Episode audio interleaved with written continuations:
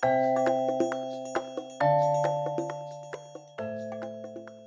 sa'n byd yn straightforward yn y byd mewn agos. Dwi'n gweld chdi fan, dwi'n sôn am clywed chdi. Ti'n gweld fi nawr? Dwi'n gweld chdi a dwi'n clywed chdi ond ti'n ddistaw iawn iawn. O, dwi'n clywed chdi ond dwi'n rhaid chdi speaker fan. Ie. Ie. Sgil. Dwi fod, dwi fod sideways fel hyn. O, na ti, na ti na wellant. Na well, Na well, na well, ie. Ysgo, mae'n raglen, yeah. mae'n raglen just y paratiadau, dos.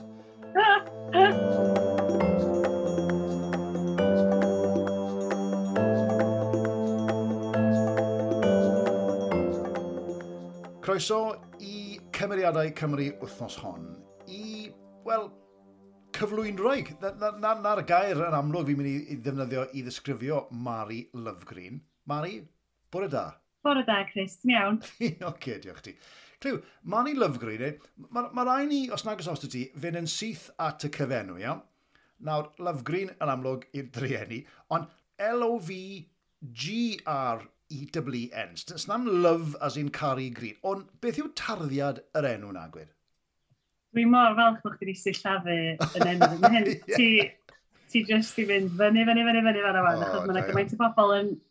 rhoi yr e na fewn, fel fysa chdi disgwyl naturiol i'r e yeah, fod yn y yeah. Ond na, ti wedi llafu fo'n gywir, da iawn chdi. Ie, yeah, enw Scandinafaidd ydi o. Scandinafaidd, ie, yeah, ie. Yeah. So, ti'n ti dweud e Love Green, yn os na Love Green, ond mae yna umlaut bach o ben, o'ch ben yr o? Wel, dad sydd wedi penderfynu rhoi hwnna yna i fi. Oh, right, okay. Um, na, mi oedd na yn wreiddiol, dwi'n meddwl fi, dwi'n meddwl mae hen daid o, neu i hen hen daid o, ddoth draw o Denmark dwi'n meddwl, i Lerpwl. Felly oedd tad dad wedi cael ei fagu yn Lerpwl, felly'n Sgawsar, a wedyn symud i Gymru.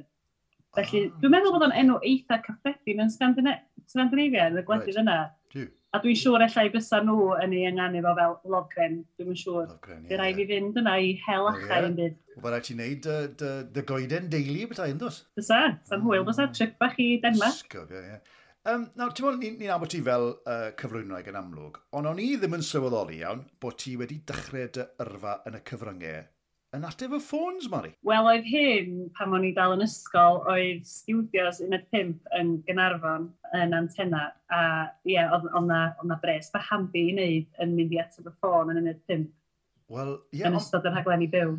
Ond mae'n rhyfedd yn ymwneud bod un o gyflwynwyr arall un y pimp, sef Gethin Jones, hefyd wedi dechrau yn ateb y ffôns yn Esperec. A o ti'n gwybod hwnna? Ie, ie, o'n i yna, o'n i'n gweithio yeah. yn y deilad Cherisian a pwydd yn ateb rhai o'r ffôns oedd, oedd Cathy Jones. a, a, a, yeah. Ond, ti'n mo, dwi, dwi'n weddol prawd o'r ffaith bod fi wedi, bo fi wedi dechrau o'r dechrau bethau, dechrau o'r gweilod yr ysgol bethau yn, yn neud te, basically. Felly, yn amlwg wrth ateb ffôns a nes ti ddod i nabod bobl a ti'n meddwl bod hwnna wedi dy helpu di? Dwi'n gwybod, nath o bendant roi glas i fi o'r rhaglen, oedden ni lwcus iawn yn gynnafon bod y rhaglen yn edrych yn cael ei ffilmio ar yn Stefan Drws ni, felly oedden ni'n cael bod ar y rhaglen yn ifanc, dwi'n meddwl ni ar y rhaglen yn, yn yr ysgol gynradd am y tro cynta yn adolygu rhyw gema falle.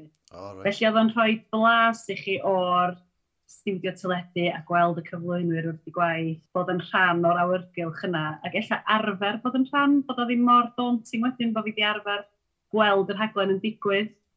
Ond dwi'n meddwl nes i byth feddwl ar y pryd yna, o, fyswn i'n licio bod yn gyflwynu.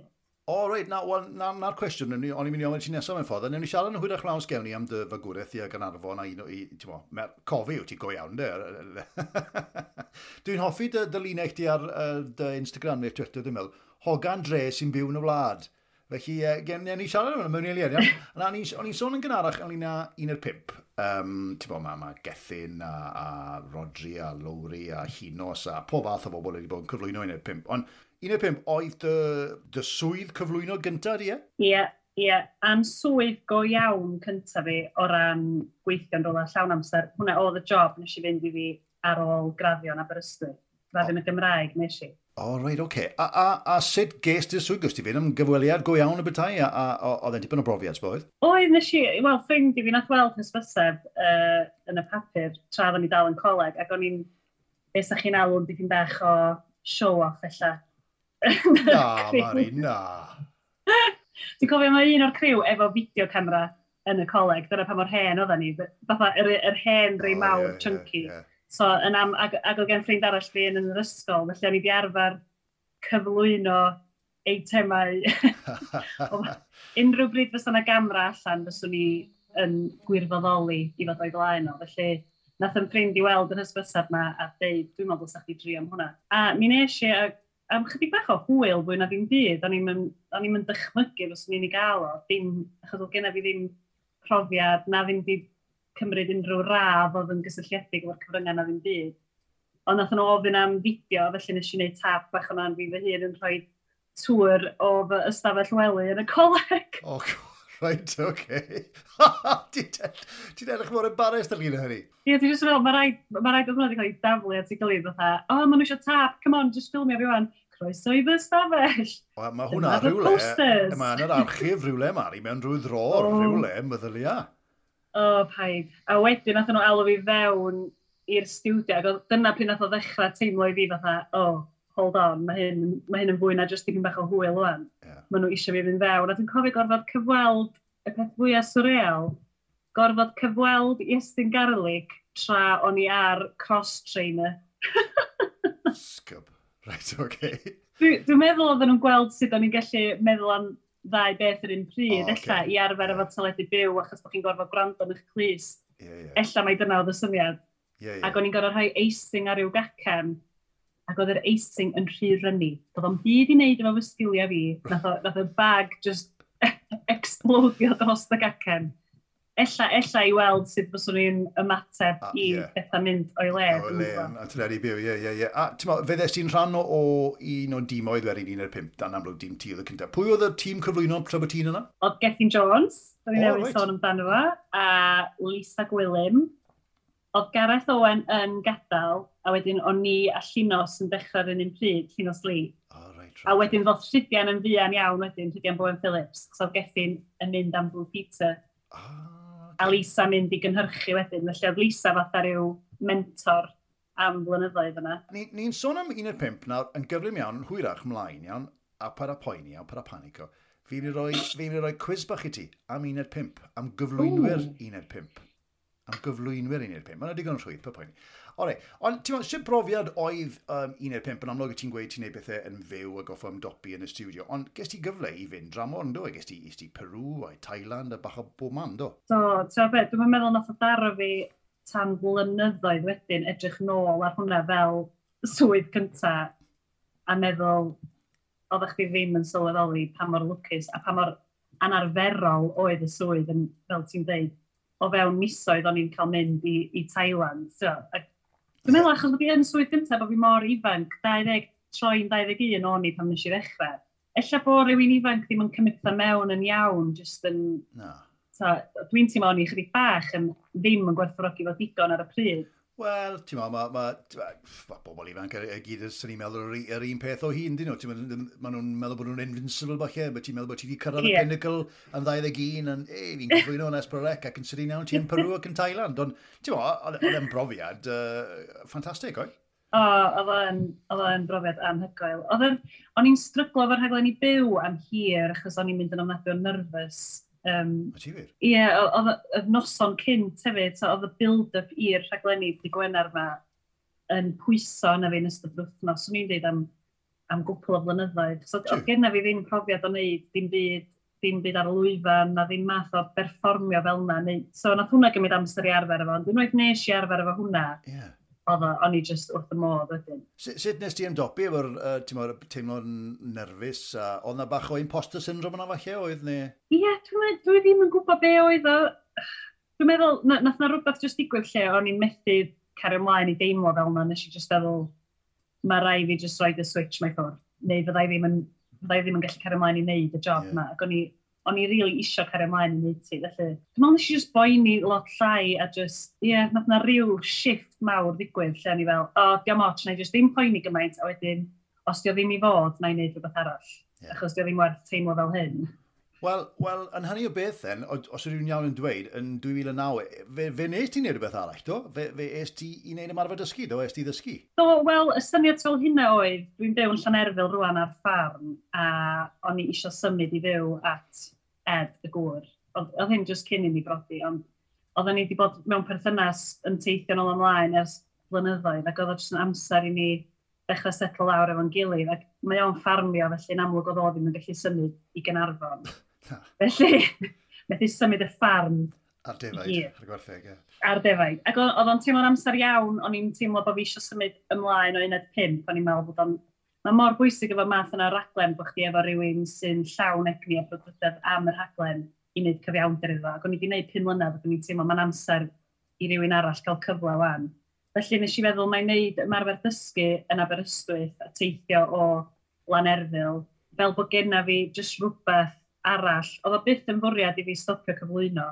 Oedd o jyst yn rhywbeth arall fyswn i'n gallu troi ato fo os di gwaith yn tyweithio. Mae yna gyfnodau lle yeah. na lot o waith. Yeah, a mae yeah gwaith llanw wastad yn mynd i fod yn, yeah. yn ddefnyddiol. A, a ti, ti dal yn gymwys i wneud e ar y swydd ni, ti'n bod lle ti fy nôl i ddysgu, uh, nes, nes ti fwynhau i ddysgu? E- oedd e'n wahanol yn amlwg, ond nes ti fwynhau'r cyfnod yn ni? Nath y dysgu wneud i fi sylweddoli faint o ddim job go iawn ydy beth dwi wedi bod yn neud cyn.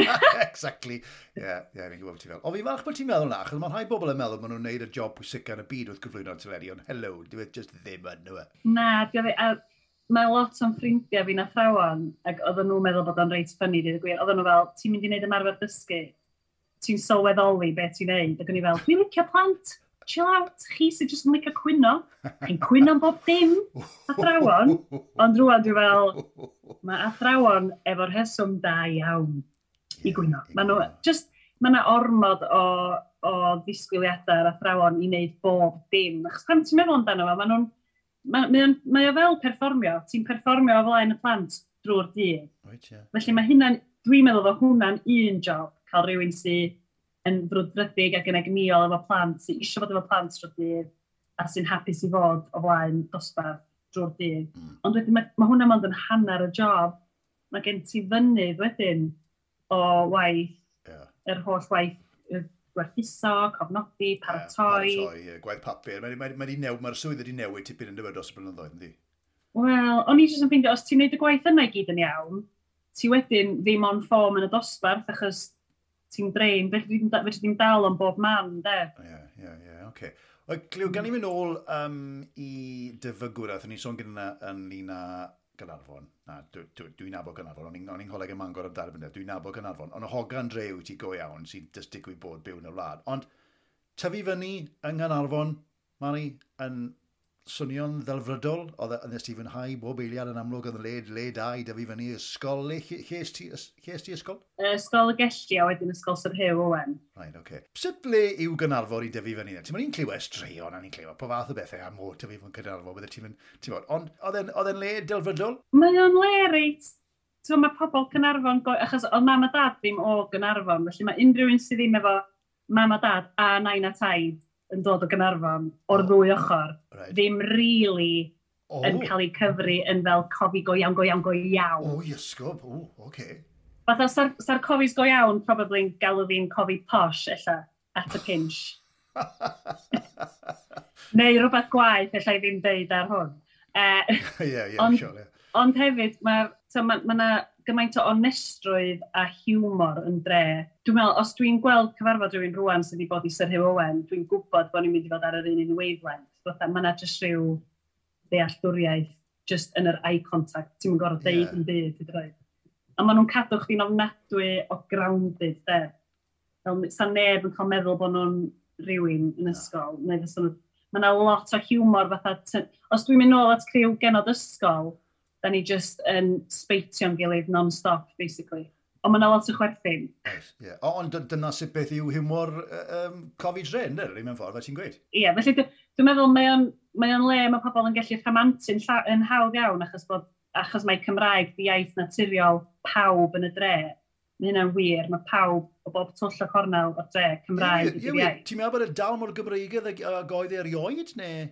Um, dwi wedi clywed bod o chydig bach yn llai, ond na, mae o'n un o'r llefydd prin iawn na lle mae jyst pawb yn y dre yn siarad Cymraeg. Ond, dydy'r pobl sy'n wastad i bod yn dre, dydyn nhw ddim yn bobl cenedlaetholgar chwaith. Fysa nhw'n, fysa nhw, os ydych chi'n deud rhywbeth fel, o, oh, mae ma mor anhygoel o pawb yma yn siarad Cymraeg, fysa nhw'n fel...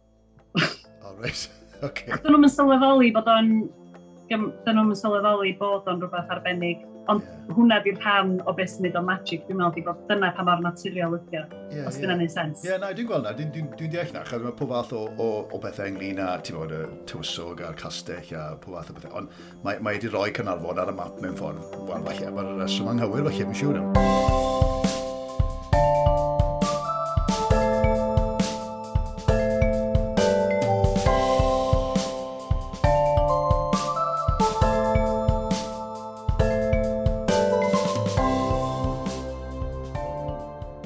am, beth am ysgol wedyn? Um, ti'n gweud bod ti bach o show-off yn y coleg. O ti bach o show-off yn yr ysgol? O'n, mewn fel pocebi o'n i'n teimlo'n gyfforddus yn, achos eto oedd sy'n rhyw yn gallu bod yn le eitha intimidating. So, yn mynd fyny i ysgol uwchradd i ddechrau o ysgol y gellu, ysgol y gellu oedd fel yr ardal fwyaf, ti'n gwybod, wel, snobs oedden nhw'n galw ni yn, yn ysgol So, oeddech chi'n mynd o fanna i Sir Hyw, oedd o'n bach o fatha sioc i'r system, ti'n gwybod? O, oh, right. Oedd o bach yn scary.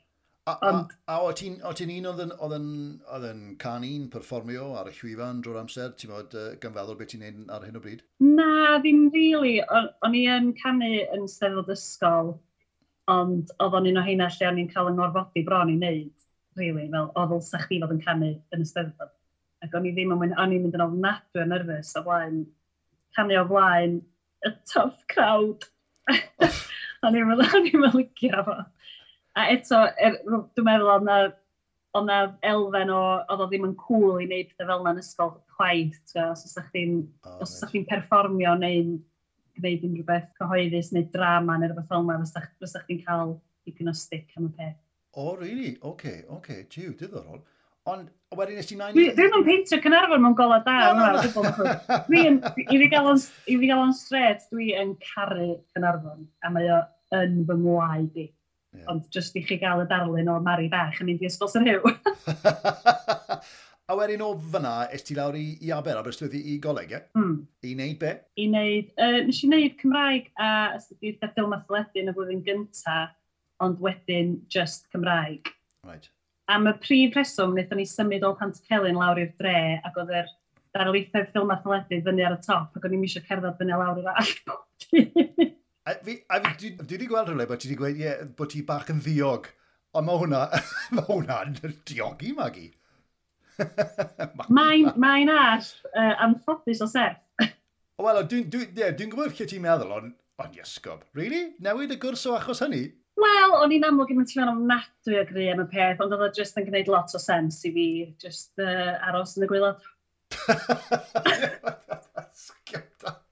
Oce, oce. A ti'n ti sôn yn gyrarach, erbyn hyn, ti'n byw yng Nghefn Gwlad er mae, mae merch, merch y dre yw ti bethau. Sut, heb swnio'n yn stupid, sut uh, brofiad oedd hynny? O, nes ti'n ffindio fan anodd un sy'n un i fod yng nghanol cefn gwlad, a fe ti'n gweud mae dy, mae dy, mae dy wr a i deulu fe yn ffermio yn yr hanner o'r wlad.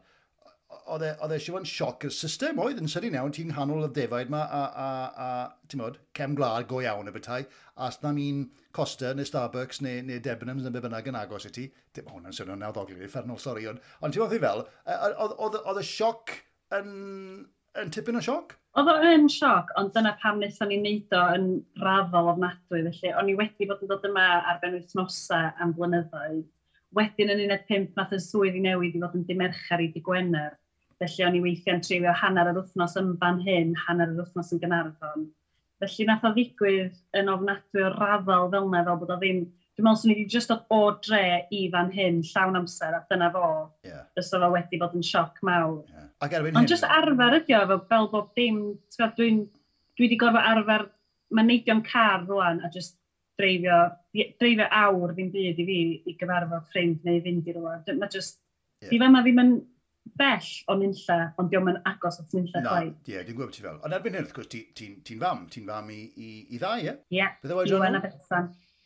Mae Betsan yn chwech a mae Iwan yn bedair. O, ti'n gwybod, maen nhw'n ma still yn ifanc yn dod i ysgob, dan, a, a fi'n gwybod bod gyda, gyda ti Tew, tipyn o, o gymorth uh, teuluol y dyfam yng Nghyfraith. Helo Beryl, symau Beryl. Clyw, cyn mynd i mynd ymhellach, dwi um, mynd i roi rhywbeth y ti o ti ddim yn disgwyl. Dwi'n mynd i roi 10 cwestiwn bach i ti, 10 cwestiwn bach cyflym, quick fire questions. A gei di ymlaethu os ti eisiau, gei di fanylu yn un o'r uh, atebion, ond dwi'n mynd i roi cloc man nawr. Right, rygbi neu peldroed? O, oh, peldroed? O, ti'n gweud fel la. Pa, Pam, bod o'n bach o ddryswch ynglyn â latte fyna ni? Oedd, achos mae, ma gen i fi gym, berthynas gymlaeth iawn efo pelfroed, ond mae, mae o'n rhan mor fawr o'n, o mywyd i a mae gwraith i bob dim. Right.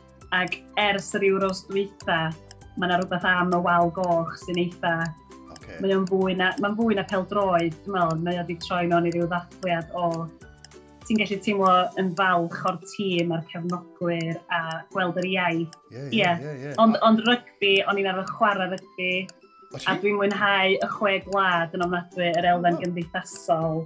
Ond Felly... mae dy dad yn, yn, yn fan ffwtbol mawr, yndi? Mawr iawn, yndi. Oedd o yn bacw. O, dde wir? O, ysgo, o, rili yn mwy, oce. Rai, rwy'n sy'n ymlaen, um, rhaglenni dogfen de, neu bach o reality, bach o, tyma, bach o trash TV? Mae o'n dibynnu ar y mood, ond fel arfer mae rai fi ddeud yr, yr trash, siwr o fod. Er dwi'n falch iawn o fy hun, dwi heb fynd fewn i Love Island tro O, Mari, o, diolch byth am hynny, o'n i jyst yn mynd i ofyn i ti, wyt ti wedi dechrau gwylio Love Island, a ti ddim, na. O, please, gweud na. Dyma'r tro cyntaf, achos dwi yn enjoyo fo, mae rai fi fod yn onest. Ond mae o'n awr bob dydd. Gyd i beth oh. nôl yn dy fywyd i. Anyway, nawr i symud ymlaen. Beth yw dy wendid... Wel, falle na beth yw e. Beth yw dy wendid fwyaf di? Gwylio Love Island. gwendid mwyaf. Yr diogi ma, dwi'n meddwl, dwi'n yn cyfri fel gwendid, neu oeddech chi'n meddwl fwyaf fel guilty No, no, hwnna wendid. Na, sy'n rhaid i fe fod yn wendid, ys e. Gwyn gwen neu gwyn coch? Coch. Ti'n berson bore neu berson nos? Fi yn orffen. Oce. Reit. Nawr i symud ymlaen. Cwn neu cathod? Cwn. Dwi'n allergic i gathod. O, o, da iawn, oce. Gwledydd poeth neu gwledydd oer? Freezing. O ie? Be, fel, o ie, gwaith, ie, oce. Ac eto, dwi eisiau siarad am, am y gwaith. O, oce, reit, oce. Te neu coffi? Te. Wyt ti'n berson gwydr hanner llawn neu gwydr hanner gwag? Tri chwarter llawn. Ac eto, yn y canol, o'r oce, okay, digon teg. Pwy oedd the childhood crush cynta di? Leonardo DiCaprio. O, oh, oce, okay, right. A achos y, y, y ffilmiau yna, oedd yn y posteri ar y wal ma'r un, neu? Oedd, o, o'n i'n obsessed. Romeo and Juliet oedd y ffilm nath uh, neud i fi ddisgu mewn cariad, a wedyn ddoth Titanic ryw flwyddyn neu ddwy wedyn, ac ers yna, pryd oedd y trwetha nes ti grio? Dwi yn berson emos, dwi'n crio yn eitha hawdd. De. Ti? As in, dwi'n crio, dwi da bod Iwan y mab yn hitio fi'n galed, fedra i grio am hynna.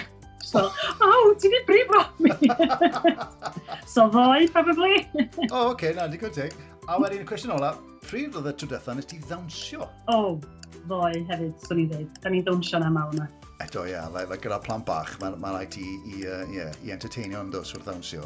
Wel, dim hynna fwy. Dwi'n gweld, mae cerddoriaeth yn gallu bod yn therapeutic, so na i, na i roi can dwi'n licio full blast, a maen nhw'n gorfod dawnsio, a mae o'n therapeutic i fi hefyd. O, oce. Okay. Wyt ti'n ti, rhoi cerddoriaeth dy dar flaen yn uchel yn y tŷ? A bydda'n onest nawr. da ni yn weithiau, da ni wedi, da ni wedi dysgu bod chdi'n gallu cael Alexa i chwarae fo, ond ti'n gorfod pronawnsio i enw fo fel Groend Logwyn. so mae'r plant yn dweud, Alexa, Alexa, play Groend Logwyn. Classic. A mae'n chwarae wedyn ni? Mae'n chwarae. Weithiau mae o'n hit a miss, ond uh, mae, o, mae o wedi gweithio yn y gorffennol. a fi'n ffynd o'r radd. Diolch yn galon ti fyna. Mae'r mae, mae, mae, cwestiwn yna yn dweud llawer, dwi'n meddwl, am berson mewn munud neu ddwy, felly diolch ti hwnna. Ie, ie, ie. Rhai o'r atebion bach yn rhyfedd Marion na fe. Ewn ni symud ymlaen. Um, Um, ti'n mo, ti wedi bod yn cyflwyno lot o bethau am dros y blynyddoedd ar S4C yn gynnwys, uh, ti'n mo, briodas fawr, noson lawen, ysteddfod, neu yr urdd a genedlaethol. Ond, a ti wedi ennill BAFTA Cymru yn 2006, Yn ynddo? Am beth oedd e? Best New Cymru, ie? Ond, ie. Yeah. yeah. Erbyn hyn, sy'n swnio'n bach yn full circle i fi nawr, gan, gan feddwl o lle wyt ti di sort of landio fe ni bethau. Ti nawr yn cyflwyno cem gwlad. I mean, cem gwlad, Mari cefn gwlad. Da mae hwnna fel, ti bo, the, the holy grail ar Esperec. Felly, sut a wyt ti'n yn amlwg yn mwynhau a, a, a mae hwnna'n hollio wahanol eto, yndi? O, oh, mae i ddechrau, fel ti newydd dweud, pam ges cynnig, o'n i'n meddwl, o, oh, na, mae hwn yn rhy sanctaidd a mae eisiau rhywun sydd yn nabod cefn gwlad yn iawn ac o'n i'n meddwl, na, mae, mae hwn yn ormod i fi. Ond wedi siarad efo nhw a meddwl mwy, oedden nhw'n dweud be ydy cefn gwlad ydy dathlu'r cymeriadau yma. Diolch i gyd i wneud efo byd amaeth, chwaith, no. cymeriadau e- cefn er, gwlad. Er, erbyn hyn, falle, nef, erbyn hyn, ti'n yeah. blynyddoedd yn ôl, oedd e bach mwy traddodiadol yn Cryfach, ond erbyn hyn, ti'n hollol iawn, mae'n ynglyn â cymeriadau a, a ffordd o fyw, yndi? Yn union, a, ma, a dwi, un o'r hoff bethau fi wneud ydy cyfarfod pobl newydd a just sgwrsio efo pobl. Yeah. A mae ar ôl bod yn gwneud dwi wrth y modd yn neud teledu plant, ond ar ôl blynyddoedd yn neud teledu plant, lle mae sgwrsio fo plant ar gamra yn gallu bod yn dipyn bach yn heriol, achos mae o'n anodd iddyn nhw, mae o'n yeah. beth mawr iddyn nhw siarad ar gamra weithiau dydy. Ond efo cefn gwlad, mae'r cymeriadau sydd yn ymddangos, yn ymddangos am reswm, bod nhw, mae yna rhywbeth amdanyn nhw, a maen nhw, ma nhw efo'r angerdd ma, neu be bynnag ydi o, mae o jyst yn hawdd mewn ffordd bod yn eu cwmni nhw. Yeah. A trio neud nhw ddim o mor gyfforddus a phosib be wedyn i ni gael gweld nhw go iawn. A, a mae'n swnio'n ddelfrydol fi, achos ti'n meddwl, gyda pob archus i fi'n meddwl bod ti'n hoffi, ti hoffi clonc yn dweud. Byddwn ni'n meddwl bod ti wrth y fodd felly yn, yn, yn cyfarfod ar cymeriadau cem gwladus yma. Ond, ti'n meddwl, fi wedi cael Ifan ar y podlediad uh, yn barod. A dwi'n meddwl bod fo yn teimlo bach o bwysau, os dyna'r gair, achos, ti'n meddwl, fe ti'n gweud, mae cem gwlad yr, yr sanctaidd y rhaglen yma, a Dai Jones yn amlwg yn, yn ddiw. A mae tipyn yn bwysau sy'n ni'n meddwl ar Ifan, ond mae'n siŵr tipyn yn bwysau ar chi gyd mewn ffordd i gadw yr, yr poblogrwydd a'r ffigurau gwylio'r ddiwedd y dydd i fynd, oes? Ie, yeah, dwi'n yeah, dwi gobeithio... Y pwynt ydy, fel ti'n newydd ddeud, a Dai Jones yn just, fel, byw yn y... Ti'n gwybod, fysa byth gymharu yn mynd i fod, nag oes, a'n gobaith ni ydy gallu cario rhywbeth mae o wedi creu rhyw naws mor unigryw yn ei raglenni. Fydda ni byth Fydda ni byth yn gallu dod yn agos i... Oedd y rhaglenni o'r archif oedden ni'n gallu mwynhau jyst y cyfnod clo. Oh, yeah. Oedd o jyst yn ffantastig cael gweld heina i gyd eto. Ond jyst trio cario'r peth yn ei flaen i gadw'r cofnod yma ydio, achos ar ôl gweld yr hen glipio'r archif, oedd na shots wedyn yn dangos uh, llefydd mae rwan heddiw a gweld y dilyniant yna. Oh, right. Dwi'n meddwl bod rhaglen fel cam gwlad mor bwysig i gadw'r cofnod yma o'r cymeriadau a'r llefydd yma. Achos wedyn, mewn 20 mlynedd lawr y lein, a chi'n gallu mynd nôl yna a gweld sut mae'r lle di newid, sut mae di ddatblygu. A mae'r hen archif i gyd dal oh, yeah. gen cefn gwlad, dydy, i... Achos mae o'n, mae o'n hanesyddol, dydy'r cofnod yma. Well, a mae'r cymeriadau yma, yeah. mae'n bwysig cofnodi'r cymeriadau yma, dwi'n meddwl, yeah, i'w cofio nhw. Mae tîm cynhyrchu, uh, well, HTV, o'n ITV erbyn hyn, maen ma nhw mor hen ar raglen, o'n i'n meddwl rhai o'n nhw, fi'n abod rhai o'n nhw. Ond, yn ogystal â, â Cem Glad, wrth gwrs, ti hefyd yn cael y cyfle i gyflwyno yn y sioe, ond dim lenni, dim llynedd. Ac eto, o ti'n arfer mynd i, i lefydd fyna, y sioe amethyddol, tra bod ti'n tyfu fyny? Dim pan o'n i'n tyfu fyny, na. Ers dechrau canlyn efo Ed, do. So, e, dwi'n meddwl eisiau sioe... O, dim lot o ddewis dy ti sbod, achos o'r raid i Ed fynd i'r sioe fe'n do, i, i, i na llai arddangos neu werthu neu brynu fe bynnag. So, ddim lot fawr o ddewis dy ti, o dde. Na, ond oedd gennym fi ffrindiau yn y coleg oedd yn mynd i'r sioe bob blwyddyn ers oedden nhw'n ei harddegau hefyd. Felly, nathon ni ddechrau mynd. Dwi'n meddwl eisiau am y tro cyntaf pan o'n i'n 19 felly. A oedd o yn agoriad llygad, achos o'n i'n meddwl bod fi'n reit streetwise ar y pwynt yna yn y mywyd. O'n i wedi bod yn Tenerife, Ibiza, di tyfu fyny'n Gynarfon, di bod yn Aberystwyth am dair mlynedd, oh. ond nath na ddim byd paratoi fi at noson allan yn y sioe. Ie yn y babell uh, bobl ifanc, ie, ie, ie, ie, digon teg. Ie, ie, o wahanol fi, yndi. uh, yndi, ar stryd, y, y brif stryd, o'n i, o'n i, ie, chos o'n i reit coci fynd yna, dweud y gwir, ond o'n i'n meddwl, waw, mae hwn yn, ma hwn yn fyd arall. A ti'n meddwl, a ti'n i, i fi yn bersonol, mae well gyda i y sioe na, a falle bod hwn yn ddadleol i rai, na'r ysteddfod. Achos i fi, mae bobl o bob lliw y hun, o bob ardal y wlad, a thramor yn dod i'r un man yma am wythnos steddfod bach yn wahanol i fi, Uh, discuss, ti'n ti gytuno ti neu...? Wel, dwi wedi cael yn magu, yn, dwi wedi bod i bob un steddfod genedlaethol erioed. But, e so ti'n siarad efo hardcore teulu steddfod. Erioed? Ers i ti cael denu? Ie, yeah, wel, o'n i'n diw wythnos cyntaf mis aws, felly o'n i yn y steddfod yna hefyd, os mae hwnna'n cyfri, rili, really, dydy. Nath mam yr i'r rhestr i fi dwi'n o blaen o lle oedden ni'n aros yn bob un steddfod, jyst o ran diddordeb. So oedden nhw'n gweithio yn y steddfodau, oedden nhw'n cyfieithu. Oh Okay. Felly oedden ni'n mynd o steddfod i steddfod. Felly mae, o, mae hwnna, mae, mae, mae hwnna'n ddefn yn yng ngwaed i. Ond un beth fyswn i yn deud ar ôl bod yn y sioe a cymharu'r ddwy, ydy dwi yn meddwl bod y steddfod yn rhy hir, de. Mae o'n naw noson. Mae hwnna'n un peth dwi'n dwi teimlo fo'r sioe ydy mae pawb mewn hwyliau mor dda achos mae o fel ti'n gorfod go hard yeah, achos yeah. pedwar diwrnod ydy o. A mae hwnna'n ma hwnna newid sort of awyrgylch y peth. Yeah. A ie, yeah, mae ma pawb jyst yna i gael amser da, dwi'n meddwl. Yeah, Ond... Mae yna ma, na, ma, na, yn wahanol a mae'r bobl yn wahanol o falle a ti'n meddwl, eicli, Ewn i ddim mewn i hwnna, neu byddai byddai mewn trwbl. Um...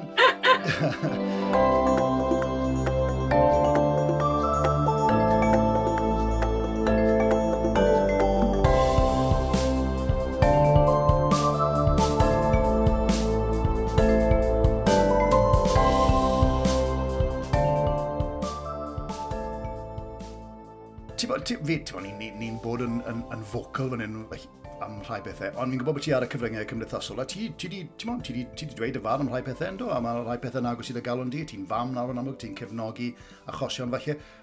Wyt ti'n meddwl bod na, bod na lot o bwysau, gormor o bwysau ar un i gyd, ond yn sicr ar fobl ifanc, ac yn sicr mercher ifanc felly, i fod, ti'n modd, i, i fyw y, y bywyd perffaith mae Mari. Ti'n modd, ni, ni siarad y blaen ynglyn â y fath yma o bwysau gyda nifer o bobl sy'n ar y cyfryngau cymdeithasol. Ond mae gen i dar y ferched, a ti'n modd, wedi tyfu fyny digon teg. Ond e, hyd yn oed nawr dwi'n teimlo bod yna siwc yma'r bwysau ar fenywod ac ar ferched i, i dod droso fel the perfect Instagram shot, yna fe. Bydde ti'n cytuno yma? Ie, yeah, dwi, er mae o'n rhywbeth dwi'n poeni amdano hefyd wan yn, yn magu merch. Um, y pwysau yma ar y ffordd da ni'n edrych fwy, mae'n ma mynd yn fwy ac yn fwy, dwi'n meddwl dydy. Yeah. A dwi ddim yn gwybod be ydy'r atab iddo fo.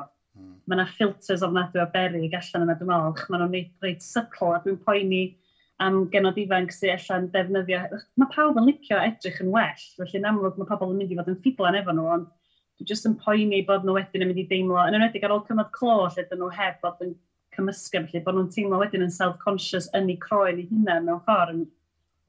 Mae o'n yeah, mae broblem, dydy, a, a dos gynna fi ddim ateb, just dwi yn dilyn lot o gyfrifon ar Instagram sy'n am body positivity ac am, am bod yn naturiol, Ach, dwi'n mwynhau colir a dwi'n licio wneud yng Ngwynedd. a mae o fyny bob unigolyn wneud pethau sy'n neu nhw deimlo'n hapus dydy. Mm. Ond jyst bod ni'n ymwybodol ac yn gweld delweddau o berchad go iawn. Ar un fath i bechgyn, dwi'n meddwl bod yna bwysau pan ti'n sôn am bethau fel Love Island. Mae o'n bechod, mae mond un teip o gyrff maen nhw'n rhoi fewn. Ah, ie, yeah, hollol. Achos, yeah. so mae union un fath i bechgyn, a dwi'n meddwl bod yr, yr toxic masculinity yma yn broblem fawr lle di bechgyn methu siarad efo'i ffrindiau am bethau fel hyn. O leia mae merched yn gallu trafod i insecurities efo ffrindiau agos.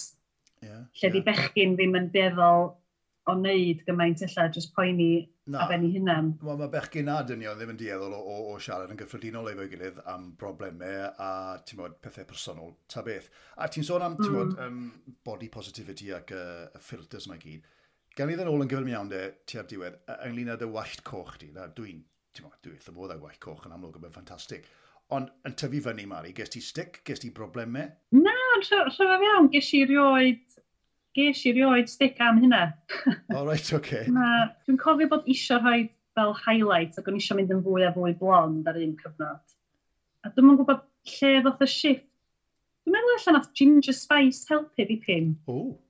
A wedyn oedd yr X-Files, oedd Mulder a Scully, doedd a Scully fy glas coch. Mae pethau fel yna'n help, dwi'n meddwl. Okay, okay, uh, yes. Ond erbyn heddiw, dwi'n gorfod, actually, mae o'n mynd yn dywyllach, yn dywyllach, dwi'n gorfod rhoi chydig o liw i wneud o'n gochach.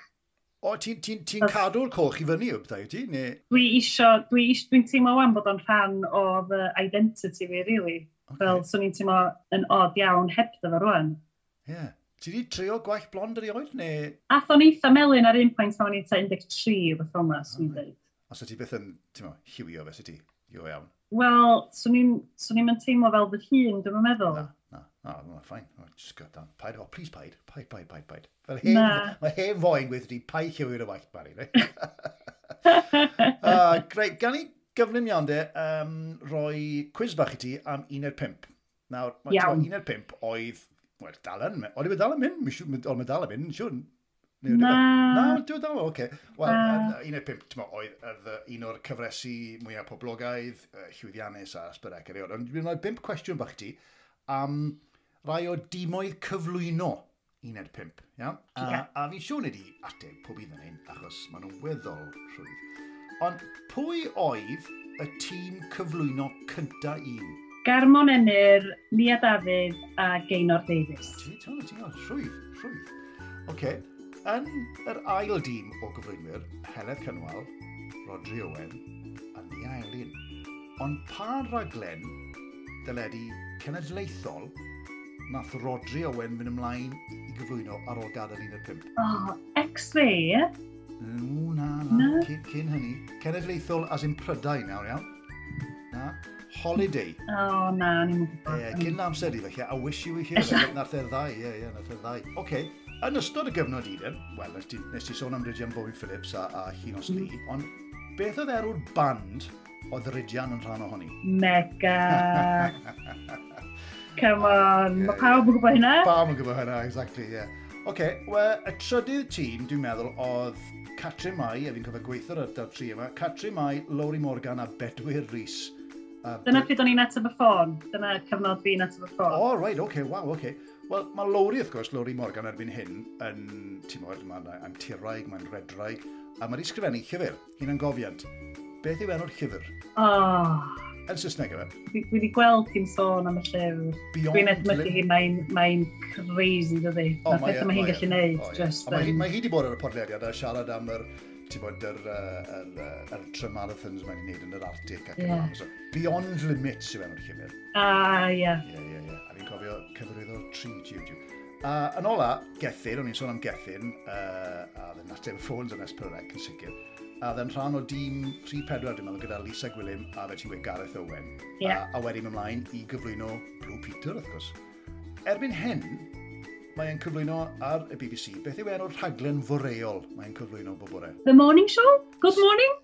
Mae ma morning na, ond morning, morning live. E, morning live, ie. Yeah. Efo, efo uh, Kim Marsh, ie. Yeah. Ie. Kim Marsh. O'n i'n fan masif o Kim Marsh yn Hearsay. Ti'n cofio Hearsay? Hearsay, ie. Fi yn cofio. A fi'n yn o gadi, ynddo? Noel, Noel, Noel, Noel Sullivan o o gadi. Oi. Wel na fe, nes ti dda iawn fyna. Nes ti...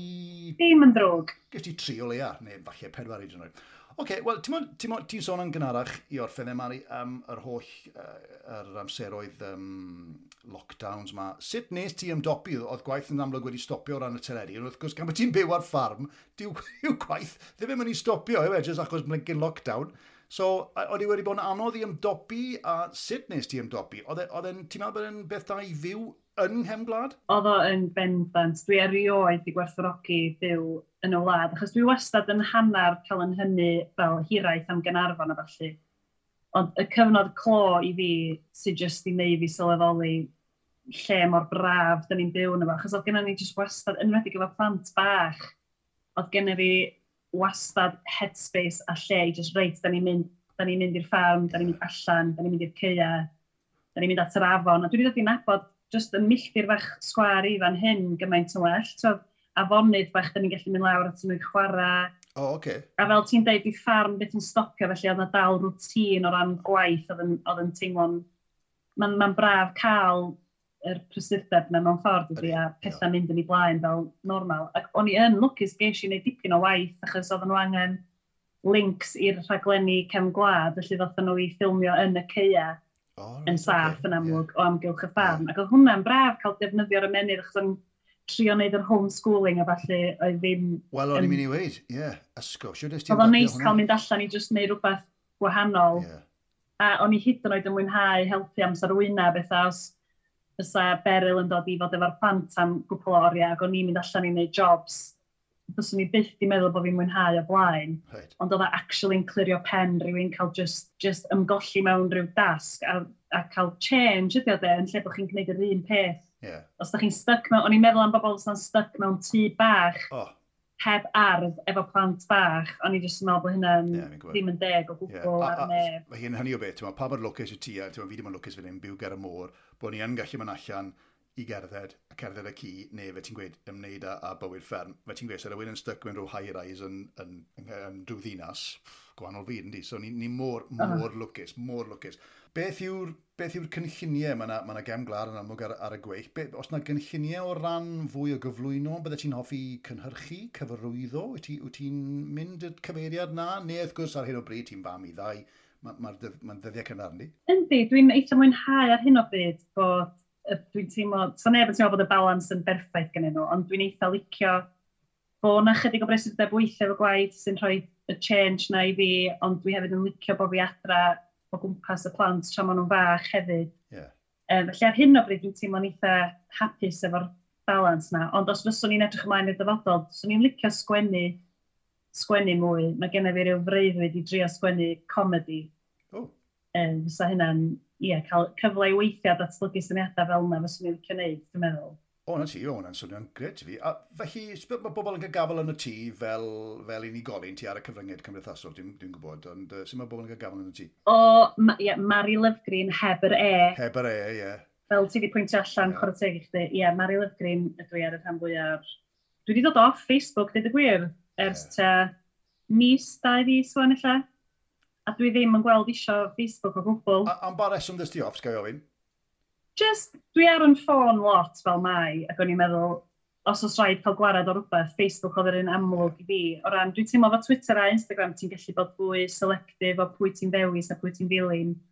Yeah. Um, lle yn Facebook, o'n i'n teimlo fi'n fwy o wastio amser yn ta, edrych ar lluniau gwyliau rhywun oedd yn ysgol efo fi a darllen y comment i gyd fel beth dwi'n neud. dwi'n neud. Ie, yeah, wel, na, na, fi, fi gytuno na. Wel, ei, diolch o galon y ti. Mae wedi bod yn uh, bleser siarad y ti, a fi wedi dysgu ambell i beth. Cofo fi at berl dy fam yng Nghyfraith yn edrych. Ond un peth dwi'n mynd i ofyn i ti nawr, cyn o fi'n gael ti fynd, fi ti'n mynd i gael brec bach. Mae wedyn ni angen brec bach yn y ti. A fi'n mynd i roi ti ar yr ynys golledig yma. Iawn? Beth yw'r oh. Ah. beth, yeah. beth yw'r un peth wyt ti'n mynd efo ti? Mae rhaid ti gael hwn neu bydde ti'n hoffi gael hwn er mwyn neud y fywyd i yn, yn haws os lygu di. Dim ond rhywbeth efnos ti'n as. Dim, dim plugs ar yr ennill yma, ond beth yw'r un peth y ti'n hoffi mynd i'r ti? Fy matras. Be, yr holl ma y matras, really? Ysgwb, oce. Okay. Achos ti'n ti amlwg yn caru dy matras. Dwi yn caru fy matras. Okay. Mae o yn 50-50 memory foam a spring. A os dwi'n mynd i fod yna am bythefnos, dwi'n mynd i fod yn treulio chunk mawr iawn o'r amser yn cysgu. Ac yn diogi. Ac yn diogi. Felly, dwi'n meddwl bod hwnna'n ddewis tall iawn. Dyd y gwir.